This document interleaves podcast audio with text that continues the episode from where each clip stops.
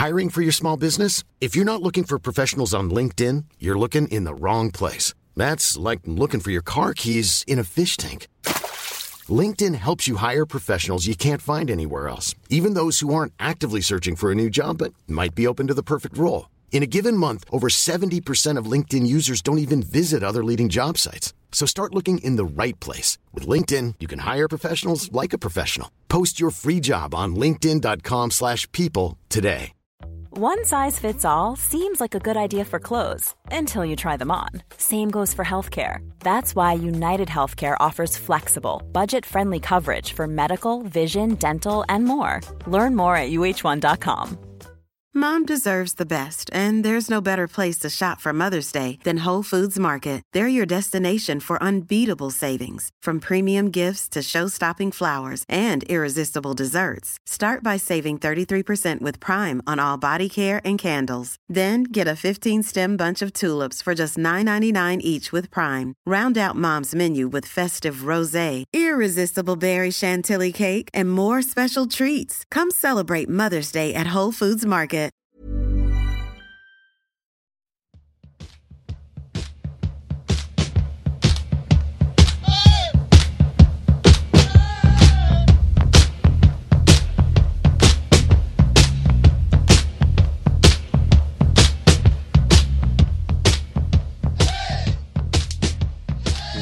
Välkommen till poddplats H, vilket du kanske förstår att det här är när du har startat det. Vi är jättetacksamma för alla lyssnare och ni lyssnar på avsnitt 35.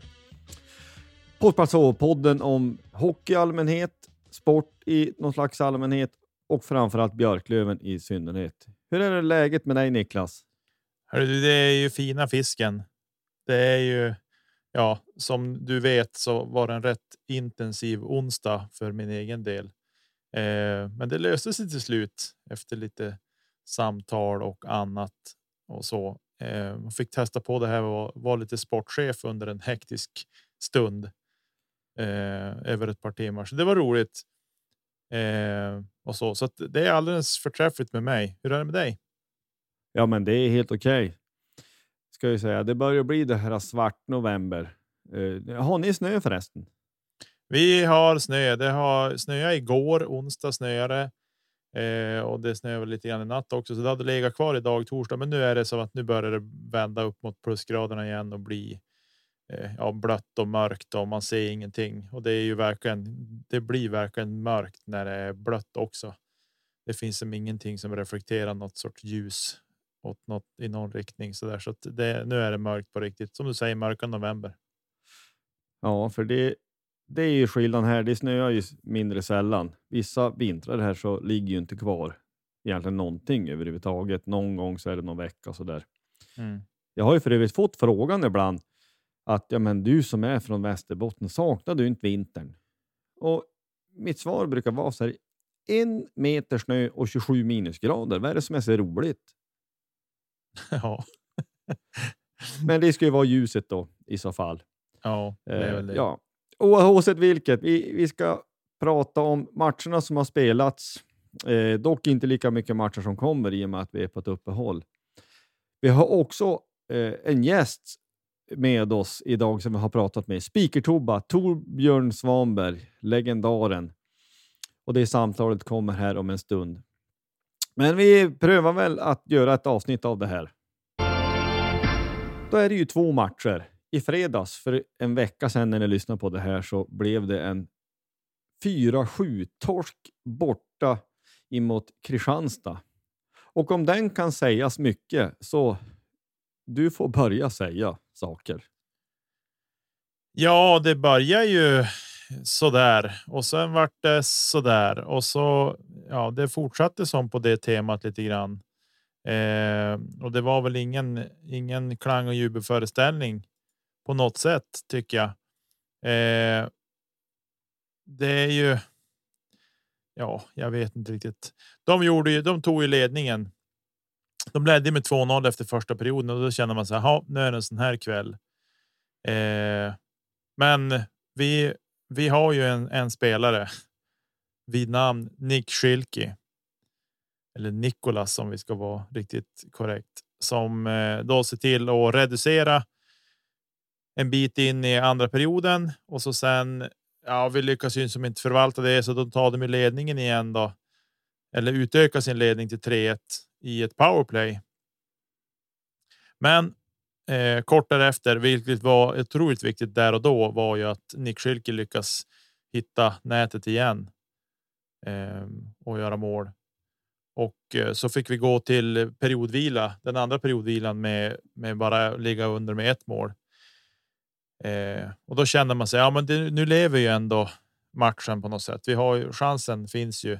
Det hade väl kunnat finnas om vi hade legat under med två, tre mål också, men det känns ju ett mål känns ju mer överkomligt på något sätt. Eh, men alltså totalt sett.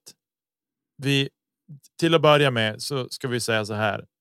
Eh, första perioden så liksom ja, domarna är ju inte bra den här matchen. Vi ska inte skylla på något sätt den här förlusten på, men det var ju det här det började.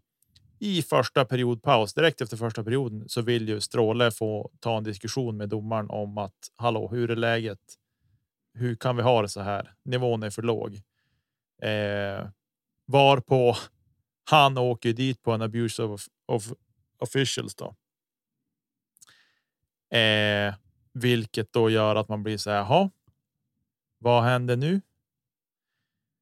Eh, så att. Ja, jag vet inte. Jag redan där börjar jag känna så här. Okej, okay, det här är ju inte bra. För överhuvudtaget. Eh, nej, men. nej, men alltså den här matchen. De har ju fått några dagars distans. Det är sån här match där man måste kunna hålla flera tankar i huvudet samtidigt och måste kunna fundera parallellt över företeelser i matchen i synnerhet, men också i någon slags allmänhet. Dömningen är vad den är, men när den går över alla rimlighetens gränser. Och det handlar ju inte om att vi i det här fallet nu tycker att Björklöven i den här matchen blev förfördelade. Den här frågan är ju mycket större om Björklöven, eller mycket större om Kristianstad, eller mycket större än en enskild match. Det är ju lite grann av en fråga av att det är för klent att vi har matchfunktionärer som inte klarar av den uppgift de har. För det tycker jag faktiskt att det här kokar ner till. Jag vill minnas att vi har pratat om det här tidigare, inte minst i våras när vi var hyfsat bitter över att eh, vårt, våra motståndares andra tränare bästa kompis, eller kompis i alla fall, med en huv, huvuddomare som dömer hela finalen och även semin för den delen. Eh, så det handlar ju inte om eh, det handlar inte om enskilda utvisningar på det sättet, för ibland måste man tänka så här. Alltså, vi åker på några konstiga. Den ena är den här eh, abuse of officials. I det här fallet och i, ofta ganska mycket ska jag tycka att det är ju liksom det lättkränktas regel. Alltså det är ju två minuter lättkränkthet lika gärna. Alltså du måste kunna ha en dialog med spelare och ledare i de olika lagen. Och ibland så måste du ha liksom fingertoppskänsla och kunna känna att ja, men det här kanske inte blev jättebra och inte liksom slå händerna i höften först någon direkt någon pratar emot det. Ja, jag tycker att det är otroligt trist mm. när, det, när det blir på det sättet. Förlorar vi matchen på det, det tror jag faktiskt att, alltså i alla fall att domarinsatsen har med det att göra. Betyder det att allt Björklöven gjorde var bra? Nej, men det är klart att det inte är. Det handlar väl inte om att de enskilda utvisningar som vi ändå får är felaktig. Men ibland, eller ibland, man måste också tänka sig det är inte de utvisningarna som tas som kanske är det största felet jämt. Det är de utvisningar som inte tas mm. um, som, som också kan vara fel. Vi konstaterar, det är som du säger, Schilke är ju fortsatt så fruktansvärt bra. Han är ju, ja men det är ju löjligt. Vi har ju, vi har ju inte sett någon sån här spelare sedan Sashas dag och ännu längre tillbaka, Stora Ökvist och sådana stormålskyttar. Otroligt så bra spelare. Eh, så är det verkligen. Ja, eh, om vi ska gå tillbaks till att som knyta ihop i alla fall resultat vad som hände. Vi kvitterade till 3-3 rätt tidigt eh, i powerplay genom eh, Scott Pooley. En sekund kvar var det på på powerplayet. Mm, just det. Eh, och sen tar vi till och med ledningen också när vi Eh, bara några minuter senare fått powerplay och där vi lyckas trycka in en Kim Johansson trycker in sitt första mål för säsongen, vilket då är såklart superroligt för jag tycker att Kim har varit bra i powerplay. Han är en rörlig back som rör sig på blå linjen, vilket i alla fall. Ja, med mitt i alla fall begränsade hockeykunnande tycker att en rörlig back på blå är viktigt att ha i ett powerplay som man vill lyckas med. Eh, men sen får vi ju. Ja, sen börjar det ramla in lite utvisningar. Kristianstad tar timeout. Och lyckas ju därefter då. De tar timeout i samma veva som Rahimi åker ut för en tripping där. Jag har tittat på den där sekvensen så många gånger och jag upplever att det är lika mycket att Kristianstad spelarna slår spetsarna i, i isen och snubblar som att Rahim är på hans skridskor och fäller honom. Eh, men ja, det är vad det är. Men där lyckas ju de då trycka in en och kvittera matchen eh, i powerplay såklart. Eh, och sen får de en stund senare form ett powerplay igen där de lyckas göra mål. Så vårt boxplay var ju inte superbra den här dagen. Eh, och framförallt så hade ju Kakan det året och hade ju en riktigt dålig dag på jobbet ska vi säga. Eh, ja, men så är det sen, ju. Det är lite knappt 84 procent. 83,78. Det är ju ingenting som du berättar för barnbarnen. Nej, vi vinner inga matcher med sådana procenter.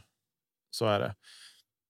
Eh, och sen, ja, sen trillar ju målen in. Eh, mot slutet så tar ju eh, Fortier drar på sig någon, några utvisningar och det är lite stökigt sådär. Eh, men överlag så vi förlorar inte. Vi förlorar inte matchen på domarinsatsen, men. Det var en bidragande orsak till såklart. Ja, men det är en bidragande orsak till att det blir en, en konstig match. Uh, och vi måste ju ändå liksom nämna, jag, kanske, jag ska inte säga att det är elefanten i rummet, ja, men när, när man har situationer där, där Ekefjärd får sitt face helt smashat och eh, han kan inte ens sys i hallen utan måste skjutsa upp han, på han, eh, skjutsa upp han på akuten för att hans ansikte är helt mosat. Då blir det nästan värre om man tar den situationen, även den med eh, det man kan tycka är en slowfoot på eh, Carl David Bodin, Bodin. Det är nästan värre tycker jag när domare i efterhand ska stå och försöka förklara en sån sak. Man, man kan inte se om det är en handske eller en klubba. Ja, ett ansikte är helt smashat som han måste sy. Vad tror du har hänt? Du får ju ha Mike Tyson-slag med handsken för att det överhuvudtaget den ska kunna bli i närheten. Så här dålig känsla får man inte ha tycker jag. Utan du måste kunna förstå vad som har hänt. Och Det här fyrdomarsystemet är ju tyvärr så att jag tycker att det är ganska uppenbart att vi har inte tillräckligt mycket bra domare i Sverige för att vi i de två högsta serierna ska ha tvådomarsystem. Mm det hjälper inte att det är fyra ögon istället för två. Ja, men om de ögonen eh, ägs av människor som inte riktigt är vuxen uppgiften jämt, då blir det ju inte så bra likväl i alla fall. Nej. Ja. ja en match att glömma på något sätt, men eh, det ska ju också sägas att Ekefjärd är ju en riktig hjälte, för han kommer tillbaka två dagar senare och spelar ju med galler. Eller sånt mm. här genomskinligt... Eh, Plexi plexigaller, men alltså det, det, det, där kan omöjligt ha varit särskilt skönt. Nej, men det har väl sagt för hockeyspelare är en annan typ av människa. Eh, och så. Eh, summa summarum. Vi torskar matchen med 7-4, sista perioden med 4-2 och det tycker jag väl är lite illa. Eh, att vi släpper in fyra mål på en period så där. Eh, men jag tycker väl någonstans ändå i det här att eh, man får vara glad. Vi, vi, liksom, vi hade 50% i powerplay. Det får vi väl ändå tycka är, är bra siffror att ta med oss. Som sagt, inte jättebra. Inte jättebra procent på egentligen någon målvakt. Kristianstads målvakt hade knappt 86% så att ja, det var inte målvakternas kväll heller och då tycker man ju när en målvakt har en ha en sån dag och vi har den trupp vi har så borde vi kunna trycka in nio mål kan jag tycka på på honom. Eh, men ja, vi ska inte köra fast i den där så att vi blir deppiga här i avsnittet och bara sitta och spy alla. Men konstaterat var att den där domarinsatsen var inte på något sätt bra. Eh, och man blir frustrerad och besviken över att eh, vi på något sätt. Vi toppar utvisningsligan med råge och vi, det är någonting som vi måste få bukt med. Eh, eller ja, Stråle primärt är ju den som och hans tränarstab måste ju få bukt med det här. Ja. Men det är någonstans så känns det som att ja, alla utvisningar har fått är kanske inte utvisningar för huvudtaget. Nej, nej, men det är ju tillbaka till att tänka två saker samtidigt. Att Björklöven måste ta Björklövens ansvar. Men domarna ska också ta domarnas ansvar och det går ju ihop till att, att när vi har den här, som jag tycker är närmast bisarra situationen när spelare och ledare inte får yttra sig. Alltså du kan få en utvisning på isen så du blir straffad. Du kan få, få, få böter om du uttryckte. Jag tycker att man har ju målat in sig i ett hörn.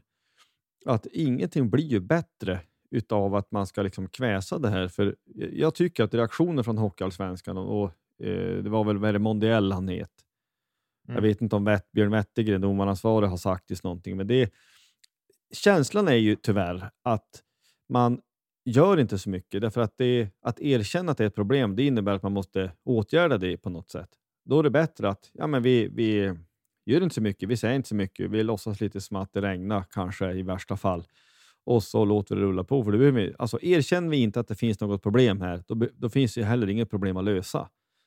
Mm eh, någonstans. Och det, det, låter fyrkantigt och jag menar, det har varit hundra gånger när Björklöven har varit för, eh, haft fördelar av domsluten. Så jag menar, det har ju varit tvärtom också, så det är inte så vi säger att vi är speciellt förfördelade i svensk hockey, för det tror jag inte att vi är. Det handlar om att domarna håller inte måttet och det är inte mm. bra för sporten som sådan. Och det är ett allvarligt problem. För vi kan inte ha en domare, tänk dig en finalserie, en domare som blir sur över att någon säger någonting som börjar dela ut lättkränkthetsutvisningar match sju. Det är katastrof. Vi, det, vi, kan inte ha det så. Mm. Oavsett om vi får dem med oss eller emot oss. Det, frågan är för viktig och större än så för att diskutera. Men vi lämnar, lämnar det lite där här, men det är, jag, jag kan känna mig lite matt och lite uppgiven. För Det känns som att det här är snurrat på så många gånger och snurrat så mycket men eh, jag vet inte, svensk hockey tycker väl att det är okej att det ska vara så här, men jag, jag, tycker inte. Jag tycker absolut inte att det ska behöva vara så här.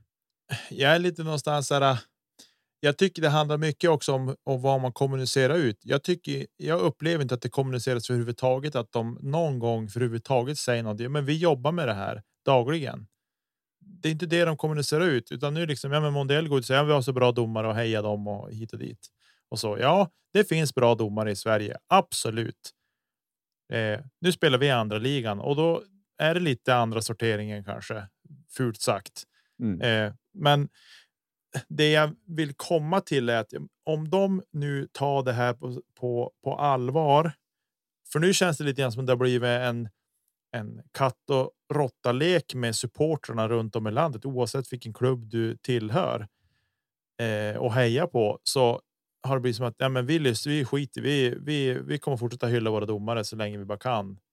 För ni kan ändå inte göra någonting åt det. Eh, jag tycker att hade de kommunicerat ut att ja, men vi jobbar med det här dagligdags. Gör en domare en jättedålig insats, ja, men sätt han åt sidan en omgång då. Då får inte han döma nästa omgång.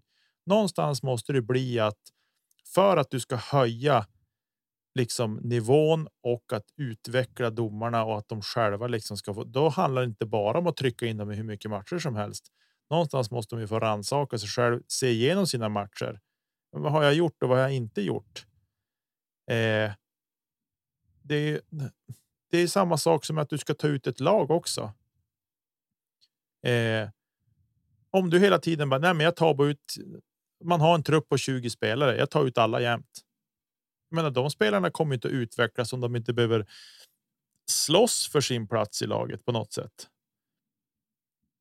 Precis. Eh, och då känner jag någonstans, ja, men vi kan inte hålla på och dalta med domarna om alla andra ska tävla, men domarna ska inte tävla om att få döma så mycket som möjligt. Så att jag tycker att det handlar lite grann om också vad man väljer att kommunicera ut. Om man liksom väljer att ja, men vi förstår att frustrationen finns. Det här var inte en, en superbra insats i den här matchen. Och jag menar, de är fyra stycken på isen. De har olika roller bara. Men jag menar någonstans om en linjeman ser en hög klubba måste han kunna kommunicera det till domarna att liksom ja, men anslagen ansikte fyra gånger. Nu måste vi plocka ut den. Alltså, jag, jag vet inte hur hierarkin ser ut eller om det finns några regler för det där, men det, det blir någonstans orimligt att att det inte skulle vara så. Men en huvuddomare får kliva in och blåsa offside om linjedomaren inte är på plats. Ja, men så är det ju. Jag menar, vi, vi kan ju dra en, en liten snedda in och jämföra fotbollen. Så, ja, men fort har ju en linjeman vifta när han tycker att det sker en förseelse och det blir gult. Och linje, min, linjemän hjälper ju eh, regelbundet till att ta straffar i straffområdet, för det går så snabbt och man hinner inte ta. Mm. Eh, jag vet inte, nu är det från bakom örat bara. Vilk, alltså linjedomare de dömer ju för sex man ju. Mm. Vad är det mer de också kan blåsa och ta som blir utvisning? Det är väl någon sak till va? Ja, men abuse of officials kan de ju ta. Också. Ja. det har ju hänt. Ja, Eh, ja det, det finns ju ett par stycken där linje, linjemän har rätt att blåsa någonting. Sen är det väl också att det, är huvud, huvuddomaren som dömer, så jag tror att linjemän har ju ganska begränsat med utrymme. Man kanske skulle kunna öka på det, men å andra sidan, där är vi tillbaka till det igen. Men ska man i praktiken ha fyra?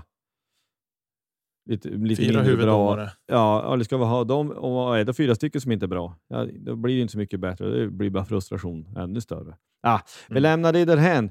Vi går vidare till nästa match, men vi konstaterar att det vart en torsk. En torsk borta mot Kristianstad kan man ta. Det är väl på sättet det sker på lite olika sätt. Och det här att man inte ens får yttra sig efteråt. Och Stråle var ju ganska återhållsamt på dåligt humör efter matchen.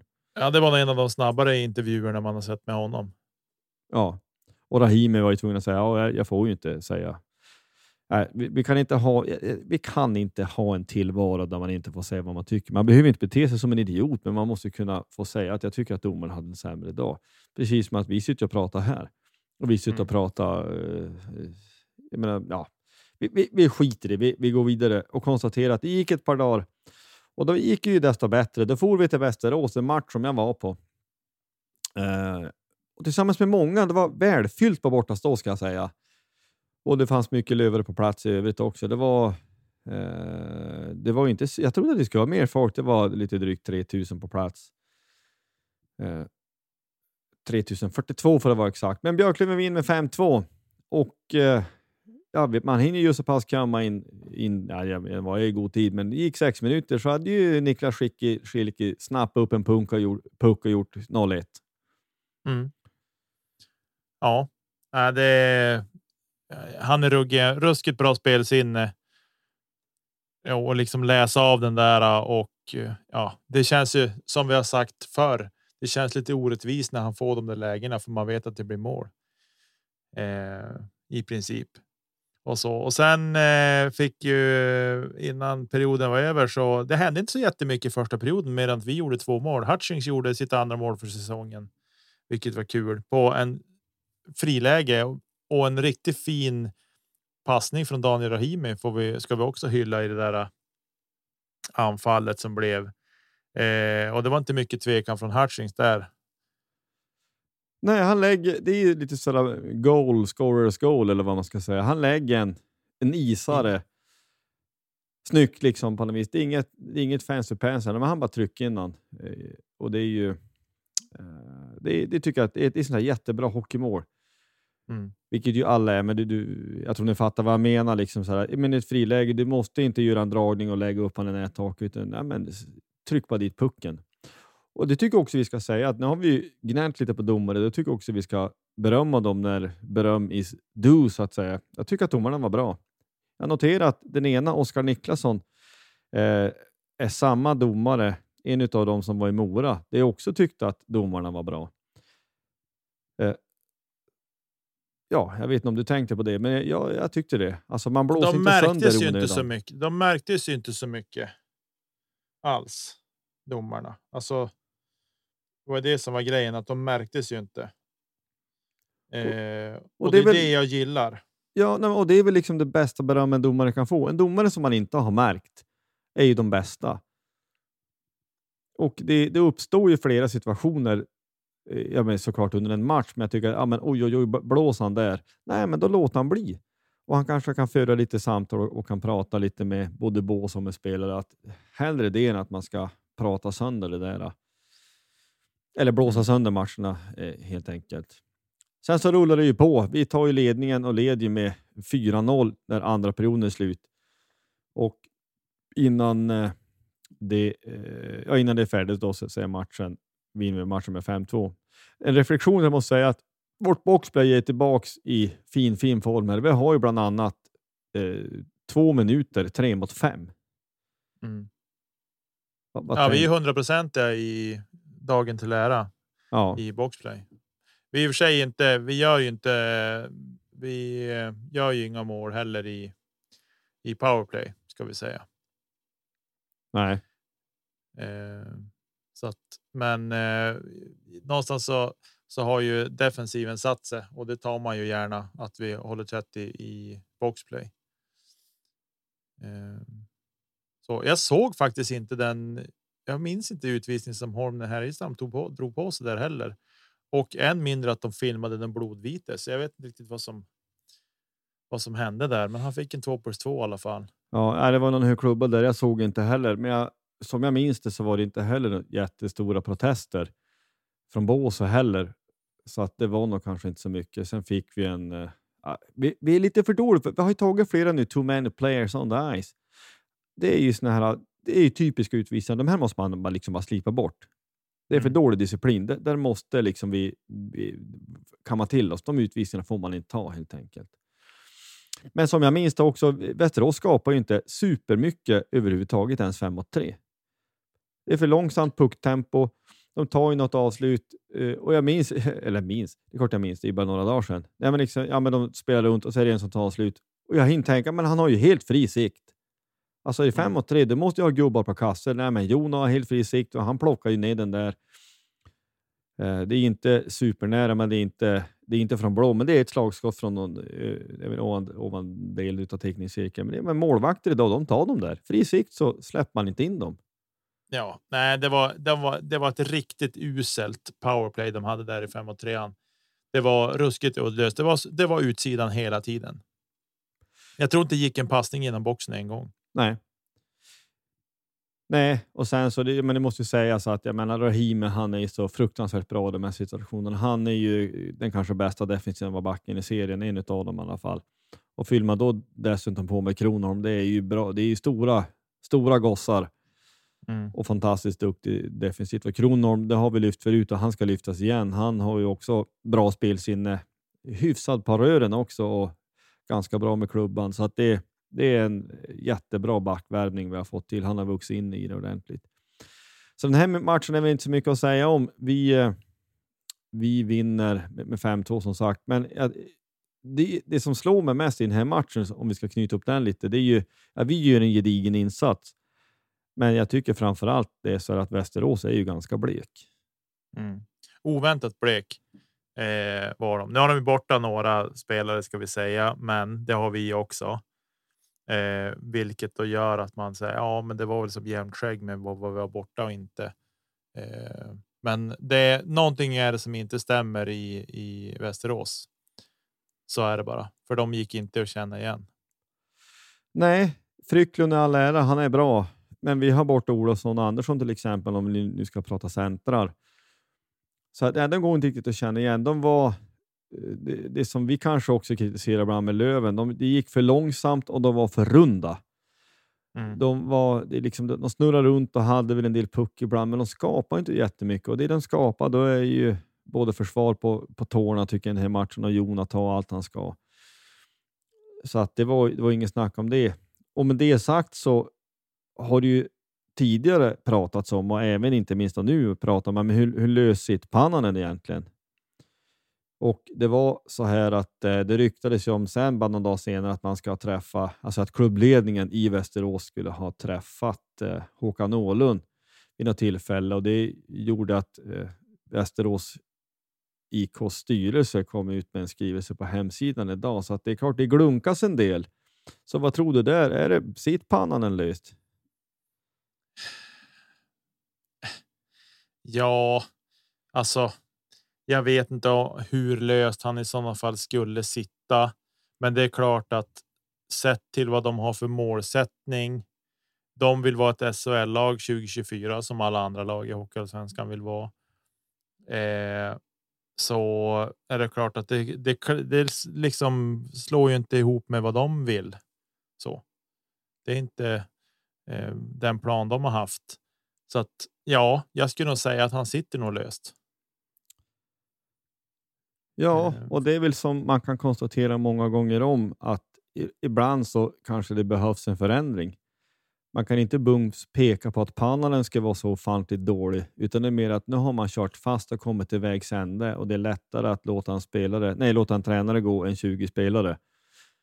Och att ibland behövs en ny röst. Jag menar, vi har ju varit i den situationen. När Wallson försvann och vi fick en ny tränare så fick vi en effekt. Vi hade ju samma lag, men uppenbart så behövdes det en ny röst för att man skulle få till det där någonstans. Mm. Uh. Och han kändes, alltså han kändes Eh, Pananen, man kände inte igen honom som han brukar ha låtit efter andra matcher när de har förlorat heller. Han kändes ganska uppgiven. Eh, sådär. Annars är ju han en sån tränare som ändå på någon sätt liksom har försökt hitta Men idag var det som att ja, vi har som jobbar med med anfallsspelet nu, men vi blir straffade bakåt för det. Liksom. Så han kändes väldigt uppgiven och det är klart att han som är på insidan märker ju av det mer än vad vi gör på utsidan också. Så att ja, jag vet inte. Det är nog ingen jätterolig situation han är i heller. Faktiskt.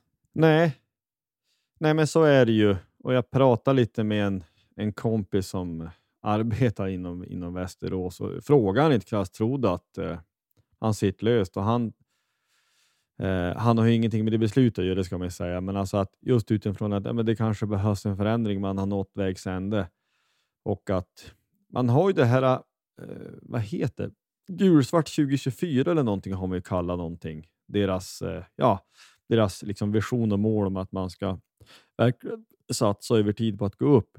Och när man inte når sina mål och när det hackar på vägen så måste man göra någonting åt det. Det blir inte trovärdigt mot supportrar eller mot sponsorer att man siktar mot någonting och man är inte ens i närheten att komma, eh, komma nära det. Och det kanske är så att då, då får en sån som Pannan ryka. Det är inte hans fel. Det är allas fel eller mångas fel. Men någonting mm. måste ju till. Ja, det återstår ju att se. Det är, det är alltid någon eller några tränare som får gå varje år. Jag är glad att vi vann i alla fall. Ja, och vi ska säga så här också. De har spelat 14 matcher. och De ligger sjua i tabellen, eh, så det är ju som på så vis är det ingen katastrof. Eh, tänker jag spontant.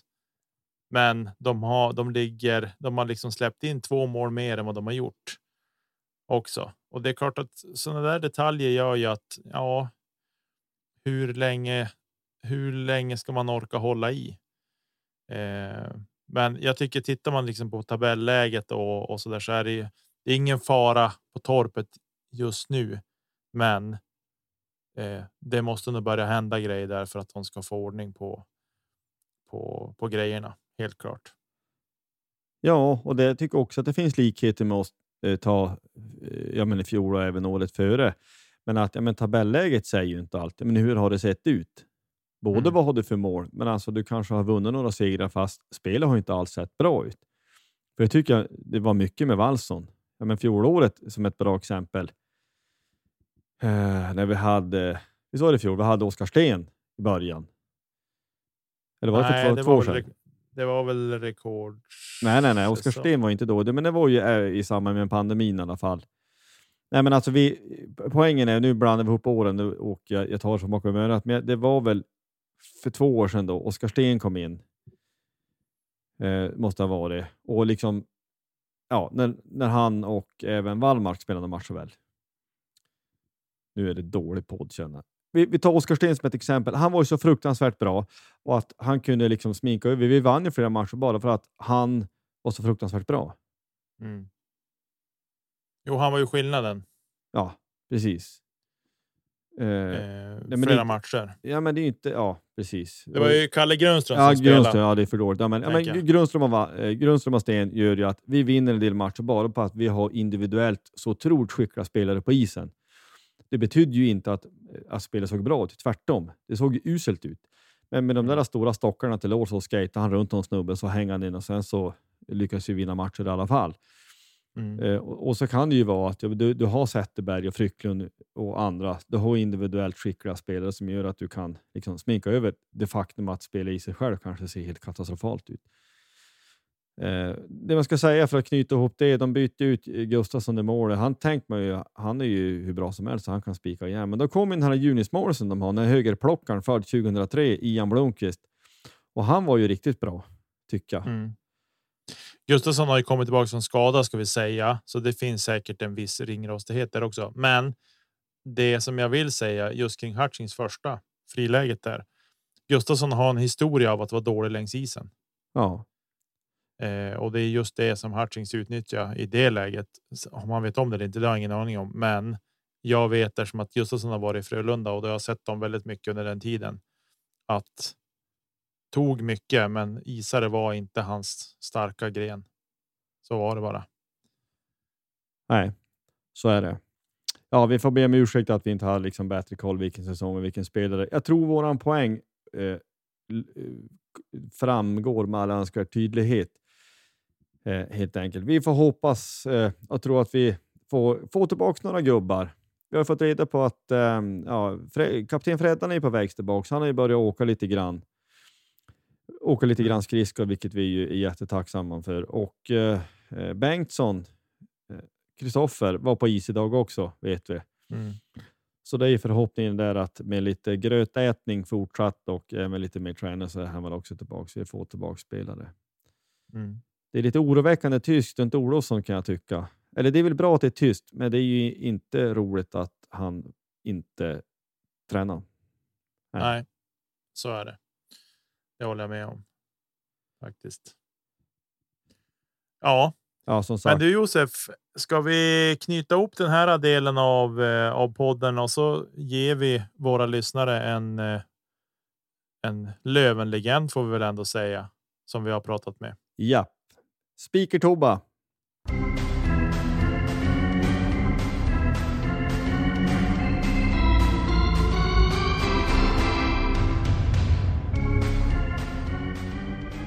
Torbjörn Speaker-Tobba Svanberg, välkommen till poddplats H.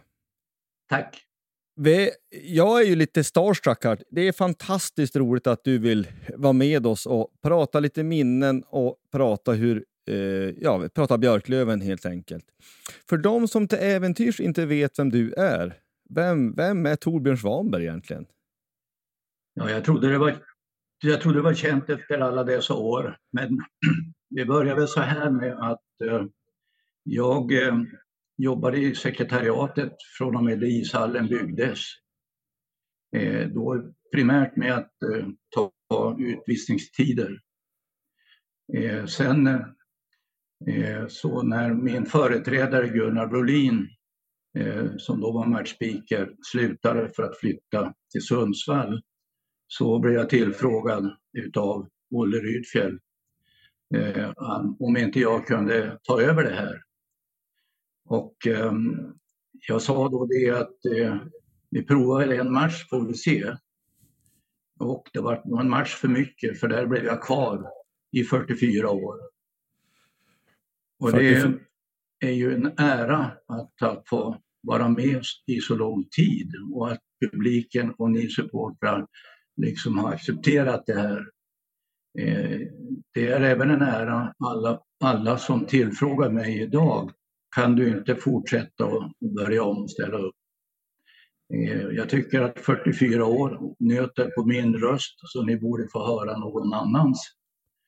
Eh, och jag, jag är på varje match och det är klart att eh, man, det rycker i en när man hör hur roligt det är att vara verksam i sekretariatet. Men jag tycker ändå att Linda som sköter det där gör det alldeles utmärkt. Det kan man säga det är väl en kort sammanfattning utav historien.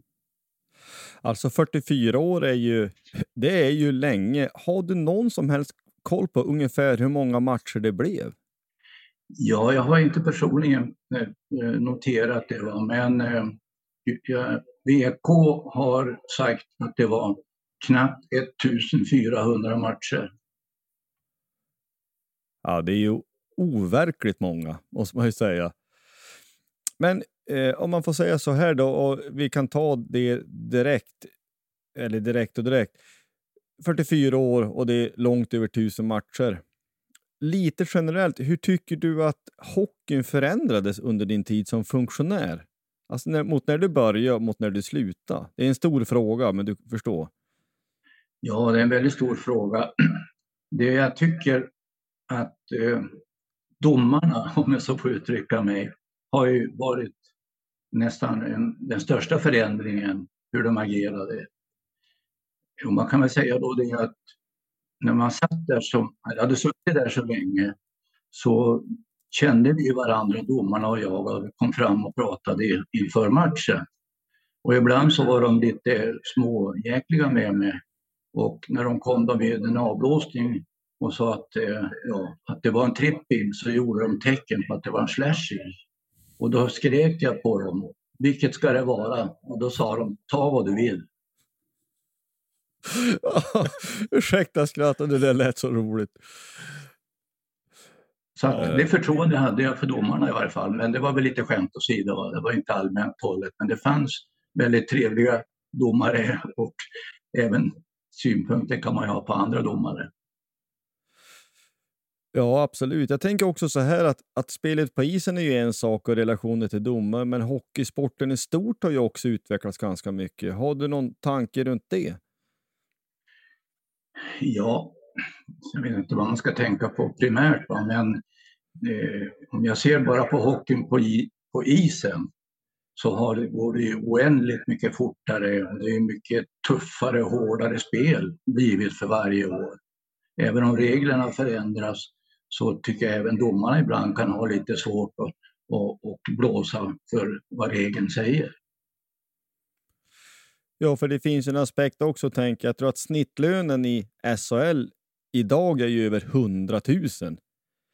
Alltså när, när du började måste väl ha varit, du fick en korvring och en backläsk för besväret eller någonting sånt? Ja, man kan, se, man kan säga så här att, att när Björklöven bildades 1970 så blev jag redan då anlitad som kassör. Jag hade alltså två funktioner, både som kassör och matchspeaker. Eh, och som kassör så satt jag hemma och skötte det där och delade ut eh, lön till spelarna som kom hem till mig och hämtade lönen och ibland satt jag inne på något bankkonto och sådär. Och, och, så det var ju en enorm skillnad till den eh, organisation som är idag naturligtvis. Mm. Hur, hur mycket följer du? Du följer, ser varje hemmamatch nu förstår jag. Men ja. hur mycket följer du sporten i övrigt eller hockey i övrigt? Följer du SHL också på tv och så eller hur, hur ser det intresset ut? Ja, jag följer, jag följer dem också. Mm. Ser du andra matcher från Hockeyallsvenskan också om, det, om Björklöven inte spelar? Ja, det gör jag. Ja, det är, tyder på ett gediget hockeyintresse får vi ändå säga. Så är det. Och en fantastisk eh, kan man säga, familj som har accepterat det här. Ja, jag skulle säga en fråga då också. Spelade du någonting själv i, i dina yngre Nej, dagar? inte något avancerat så att säga. Jag började ju som alla andra, och, men sen uppstod en skada eh, för mig som eh, blev lite långvarig. Jag skadade med, mina knän. Och då började jag på att tänka om lite grann och valde då kanske utbildning för framtida jobb istället. Vad har du? Vad har du jobbat med till vardags så att säga? Bortsett från speakerjobbet, vad har du haft för professioner genom livet? Ja, jag började min bana som revisor eh, och eh, sen så började jag ett företag som ekonomiansvarig och efter det så blev jag då eh, tillfrågad av dåvarande Sparbanken om, om jag ville börja jobba hos dem eftersom jag tidigare jobbade mycket med fastigheter och kommersiella fastigheter särskilt. Och eh, jag var med att bilda då eh, Sparbankernas fastighetsbyrå eh, i Umeå och sedermera så blev jag också då regionchef för kontoren från Stockholm och norrut så att säga. Så att eh, det har varit en allround verksamhet. Mm.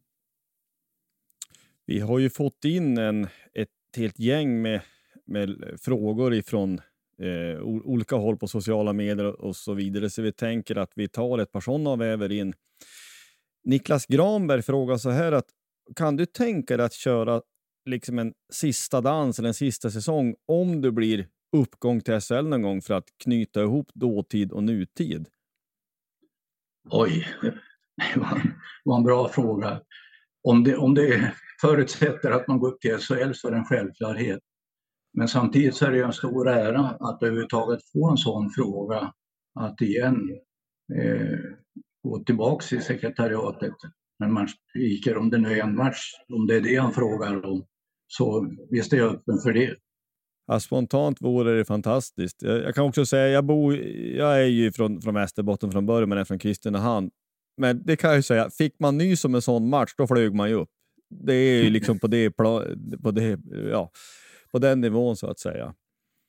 Eh, vi har fått eh, från olika håll frågan om du minns något särskilt spelarnamn som har varit svårt att uttala? Ja, det finns många.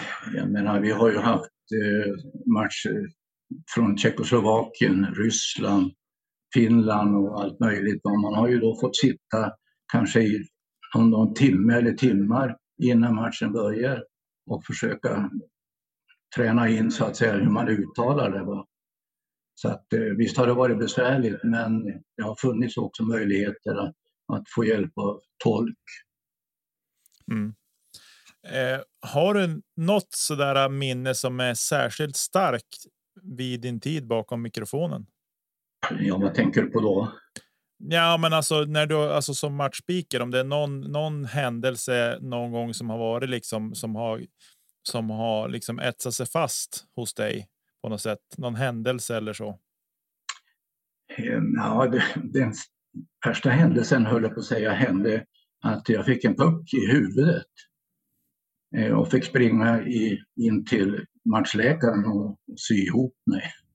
Vem var det som sköt på dig? Minns du det? Om jag minns alldeles rätt så tror jag att det var vi spelade mot eh, eh Timrå och det var en av backarna där, nu kommer jag inte ihåg vilken av dem det var, men det var en back från Timrå. Vi kan komma överens om att han är skyldig dig en lunch fortfarande. Ja, det tycker jag. ja. Ehm, eh, hade du någon särskild, när vi pratar om namn som är så att uttala, din, din match, matchlagsrutin, hur var den? Vad sa du? Den? Din, din rutin för matchdagar, var det så att ja, men du, då hade du fått laguppställning att man, ja, men man, man någon timme plugga in? Var det samma sak varje match? Att, att du hade din matchrutin precis som spelarna hade? Ja, vi säger att det, nästan vid varje match så var jag minst en och en halv, kanske till och med två timmar innan matchen gick igång för att gå igenom så att säga allt körschema som skulle vara. Va? Och i det ingick ju då att sitta och träna på laguppställningarna domare och så vidare. Va? Och eh, det var ju också då på den tiden så fick man mycket utav reklamen via mig eller via matchspiken så att säga. Eh, och det var inte alla gånger som sponsorerna hade kommit med manus eller så vidare. Va? Då fick man ringa dem och säga jag måste få ett manus av det. Ja, men du vet vad du kan säga så säg det, det blir bra. Ja. Det är ju bussigt. Ja, Man hade ju lite ansvar där också. Ja, precis. Verkligen. Eh, Olof Baudin frågar också så här, vilken är den värsta groda du har bjudit på från speakerbåset? Värsta grodan? Ja, det vet jag inte. Nej, vi kan komma överens om att det blev inga grodor under 44 år. Ja, inte som jag påminner mig. Nej. Nej, men det låter ju fantastiskt bra. Men en, en fråga också som jag tänker så här, eller att ja, men vi, vi är ju så att säga från supportled och uppenbart vi följer Björklund idag, följer hockeyn. Hur var det svårt att sära på man säger, supporten Torbjörn och att ja, men nu är jag faktiskt en, en funktionär som ska utföra ett arbete? Personligen tycker jag inte det, därför att jag är väldigt eh, hård med det att, att lugna ner mig själv innan matchen. Att inte reta upp sig mot eventuella domslut man tycker var fel och så vidare. Va? Så att eh, även om jag hade och har mycket, mycket starkt hjärta så försökte jag hålla det där isär. Så det blev aldrig så här att du du, du hann säga till den som satt bredvid speakerbåset att hur kunde det där vara hakning? Och så gick det någon sekund så två minuter hakning. Alltså, det, man höll det där inom sig, eller? Måste du ha svaret så är det visst, visst kunde det hända. Ja. Hur är det idag då med känsloyttringar när du är på, på hockey? Nu när du liksom inte har någon funktionärsroll längre utan du får släppa dina känslor fri så att säga. Är du tillbakadragen eller är du mer en känsloyttringsmänniska? Jag är någon, jag är någon känsloyttringsmänniska och jag har ju lätt att följa med Green Devils på, på vad de tycker och vill. Ja, det känns ju spontant som att det låter kanon. Eh, tycker jag. Såg, väl, så, såg du sista matchen, eller senast nu när Bauhaus var sponsor? Ja, var det du som vann stolen? Ja, jag hade ingen aning om detta. Helt plötsligt så kom en toalettstol i, i knäna på mig. Han var så tung så jag orkade inte lyfta han själv ens. Ja, står han i garaget nu eller har du redan hunnit installera han? Ja, jag, hade, jag, hade, jag hade inget behov av en toalettstol eftersom jag numera bor i en lägenhet. Va? Men eh, jag hade en vänlig god vän, John Slättbo, som hjälpte mig att bära in den i, i bilen så jag kunde åka till Bauhaus och få byta ut det där. ja, det var ju, och det är ju, ja när du säger John Slättbo, det är också en legend måste man ändå säga. Men ja. när, när, du har varit så engagerad så länge och det är så många spelare som har kommit och gått. Hur blev eller hur är liksom relationen mellan funktionärer och lag? Hur funkar sånt? Ja, det funkar ju väldigt bra tycker jag. Eh, det har aldrig varit något problem. Att, lär man känna spelare sådär? Ja, det gör man ju. Det, det är ofrånkomligt. Åtminstone om man har suttit i så många år och det är ständigt återkommande många gånger samma lag. Så då känner man varandra helt plötsligt. Mm. Och det är ju en fråga som kommer från flera stycken. Om du ska nämna några favoritspelare genom åren i, i Björklöven, vilka det skulle vara? Ja, låt mig börja med att säga, det är klart SM 87, alla där var ju egentligen fantastiska. Eh, och även eh, året före och året efter. Va? Sen kan man ju då titta på de som har blivit NHL-spelare. Patrik och Peter Sundström och eh, Peter Andersson, eh, Göte Vällital och, och så vidare. Det finns ju många. Lars-Gunnar eh, 17 Lundberg från numera i Luleå, eller spelade i Luleå. Eh, och så vidare. Ja, det finns jättemånga. Lasse Karlsson, eh, Erik Järvholm var rolig att titta på. Tore Ökvist, ja, jag kan nästan räkna ut alla. Ja, det är någonting som jag själv brukar återkomma till också. Alltså jag gick i mellanstadiet när det här hände, men när man tittar så här i, i backspegeln att ja, men Björklöven, det var stommen till landslaget som vann VM. Det, ja. är, det är lite overkligt nästan att kunna ta till sig idag. Ja, så är det. 87-laget var fruktansvärt bra. Och därför vi var svenska mästare. Precis. Hade du en eh, det här med relationen till domarna. Var det någon domare som du hade en extra bra relation till under alla de här åren? Ja, jag tror en hette Gary Eriksson från Skellefteå som var rolig.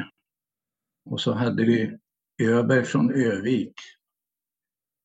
Vad hette han i förnamn? Kommer jag inte ihåg. Roger, va? Roger, ja. De tycker jag var väldigt samarbetsvilliga och roliga, lite humor med när de kom fram till mig.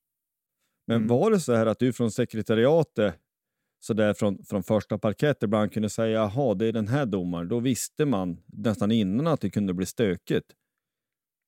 Ja. Ja, det, ja nej, men det är likadant på läktarplats. Vi har ju sett, ja det är ju mestadels i allsvenskan såklart, men det finns ju många domare som har kommit och gått och som man tänker att den här är ju inte vuxen uppgiften, så man vet redan innan att det här kommer kunna flippa ur. Ja, det, det måste jag hålla med om. Men samtidigt så är det ju domarna som dömer och det är de som kan det. Och det är vi på läktaren som, som vill annorlunda. Ja, det är Marcus Andersson tänker sig att, och det håller vi med om, att du har för många utav oss, eh, att du är liksom Björklöven personifierad. Eh, och han tänker sig att det finns en ganska stor anekdotbank. Finns det något du själv tycker är roligt eller intressant som du skulle kunna återge som kanske inte den stora massan har fått ta del av tidigare?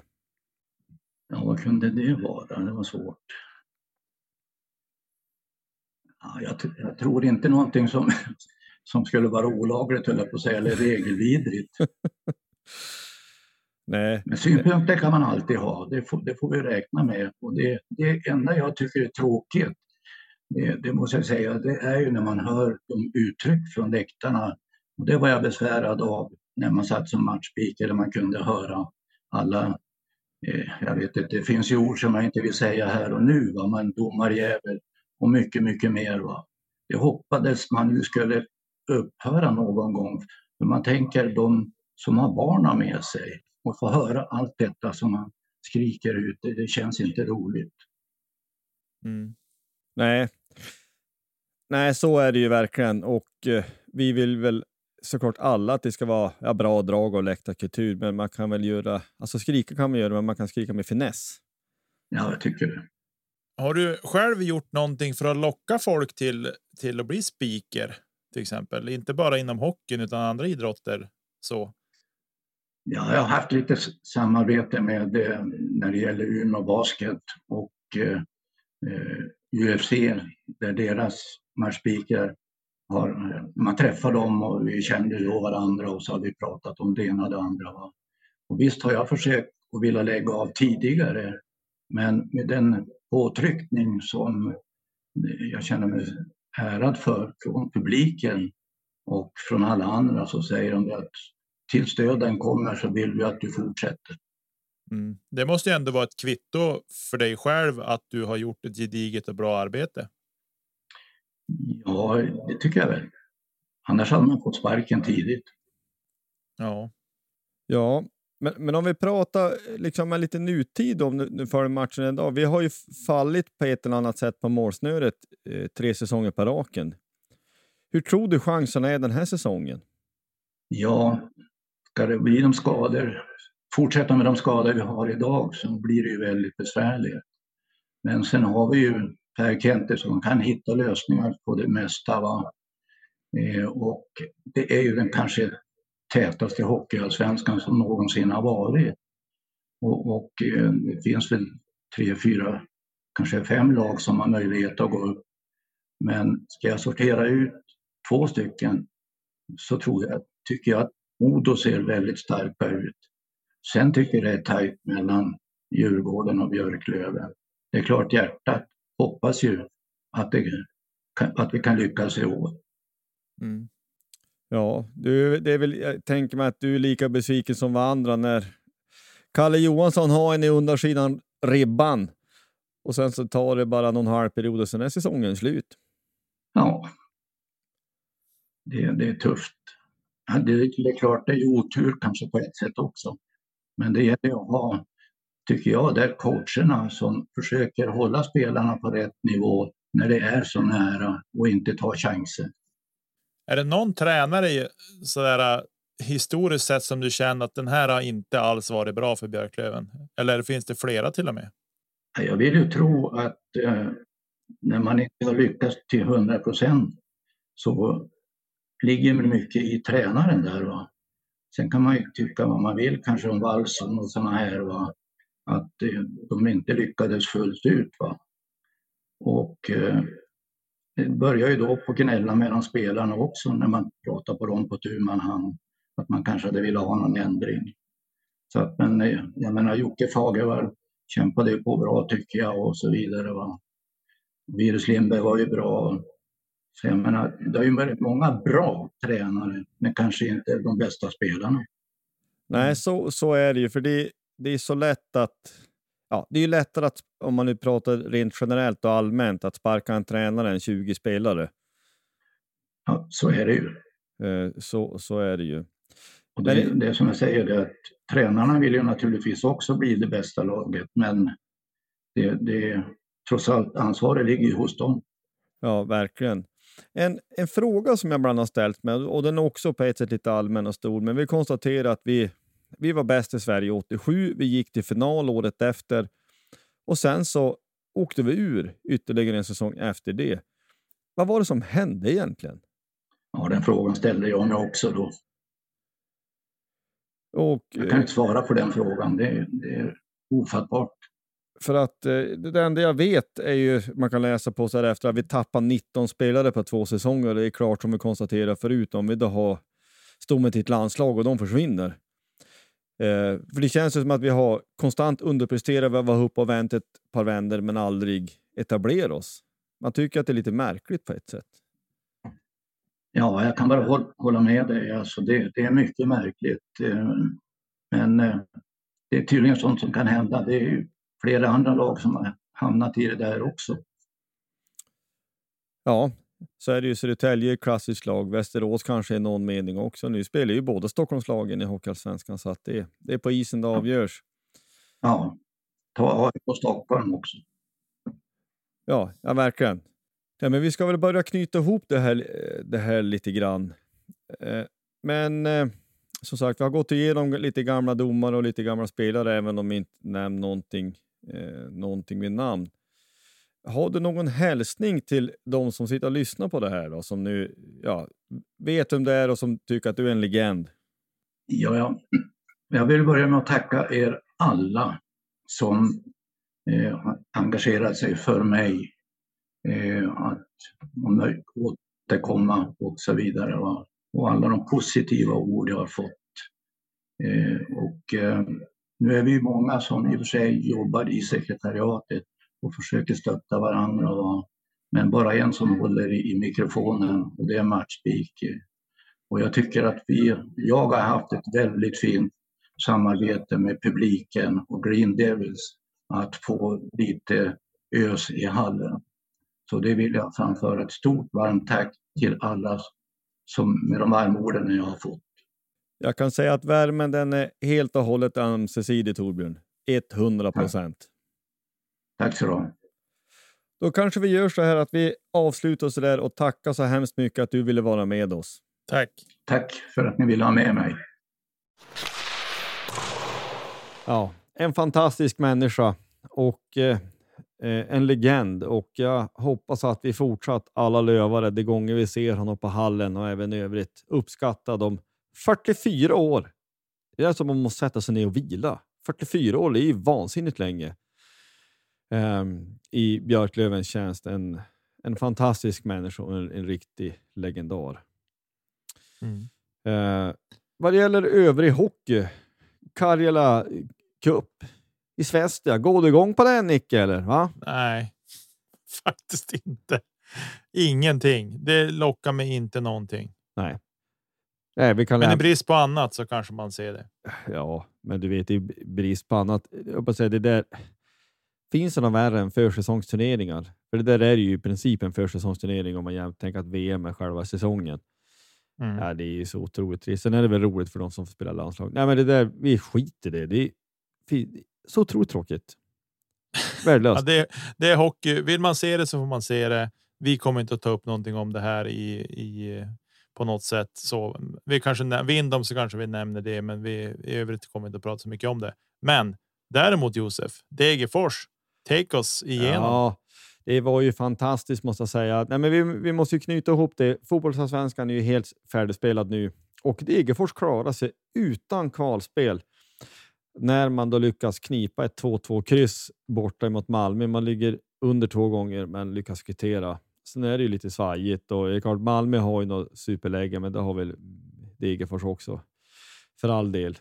Det är ju anmärkningsvärt för Malmös del som har så enormt mycket pengar. Man brukar räkna med att de har mer pengar än vad hela fotbollsallsvenskan har i övrigt. Inte lyckas bättre än vad man gör. Det är egentligen det är superanmärkningsvärt. Det går inte att säga någonting annat.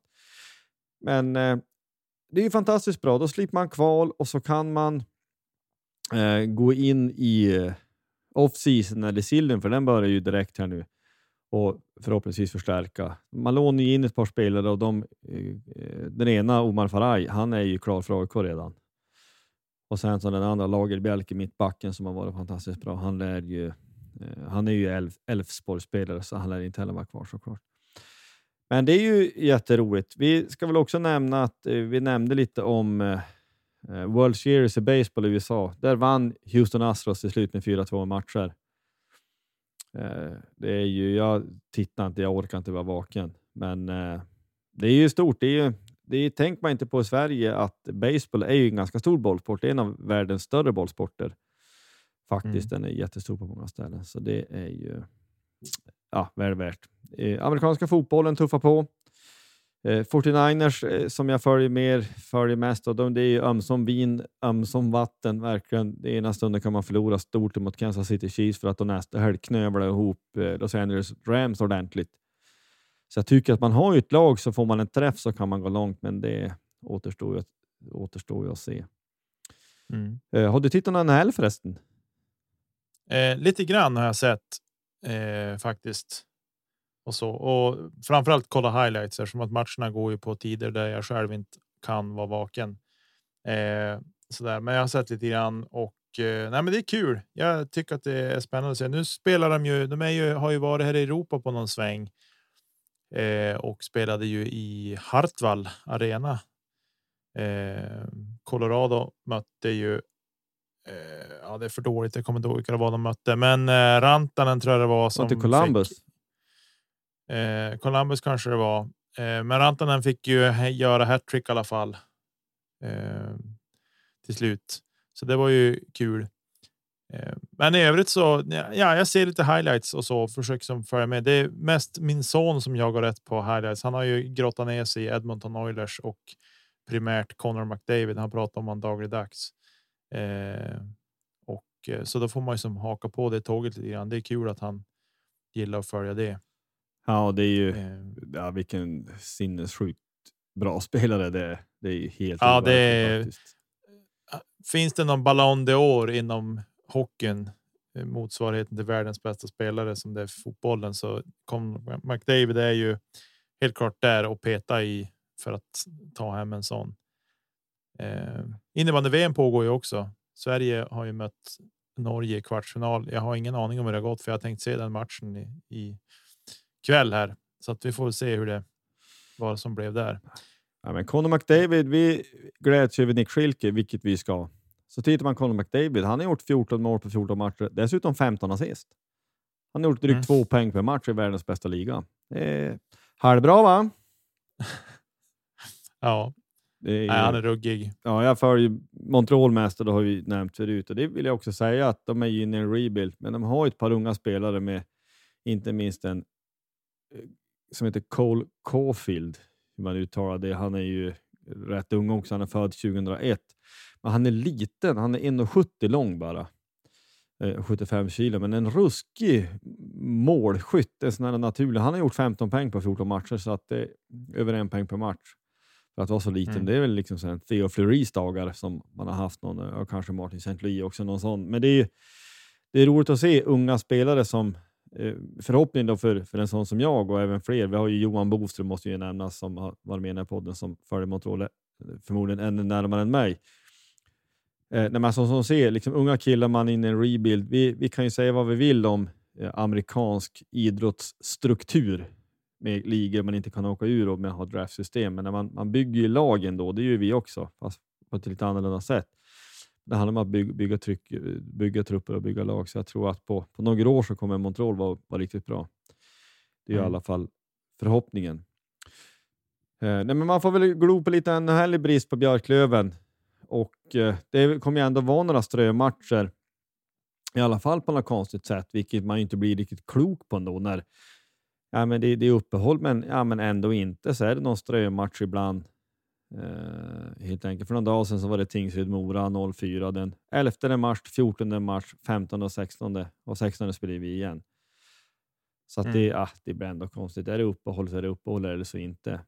Men det är ju hur som helst, det är ju inga landslagsspelare i Hockeyallsvenskan i någon större utsträckning. Det, skulle, det hade varit mer logiskt att ha ett vettigt uppehåll i samband med JVM. Mm. Kan jag tycka. Ja, det håller jag med om. Ja, men hörni ni, eh jag tror att vi knyter ihop det här Josef och eh, säger stort tack för den här veckan. Och eh, ja, tack för att ni lyssnar och hänger med oss på sociala medier och sådana saker och skicka in frågor eller eh, någonting som ni vill att vi ska ta upp mer närmare så ska vi försöka göra det såklart. Absolut. Följ oss, gilla oss, sprid ordet. poddplatshgmail.com är våran mail. Och vi finns, eh, ja, vi finns på sociala medier och vi finns även på, måste vi säga, Björklövens forum, gröngult. Där finns vi också under namnet Poddplats Å. Tack för att ni har lyssnat och eh, Forza Speaker Toba! Hey, hey!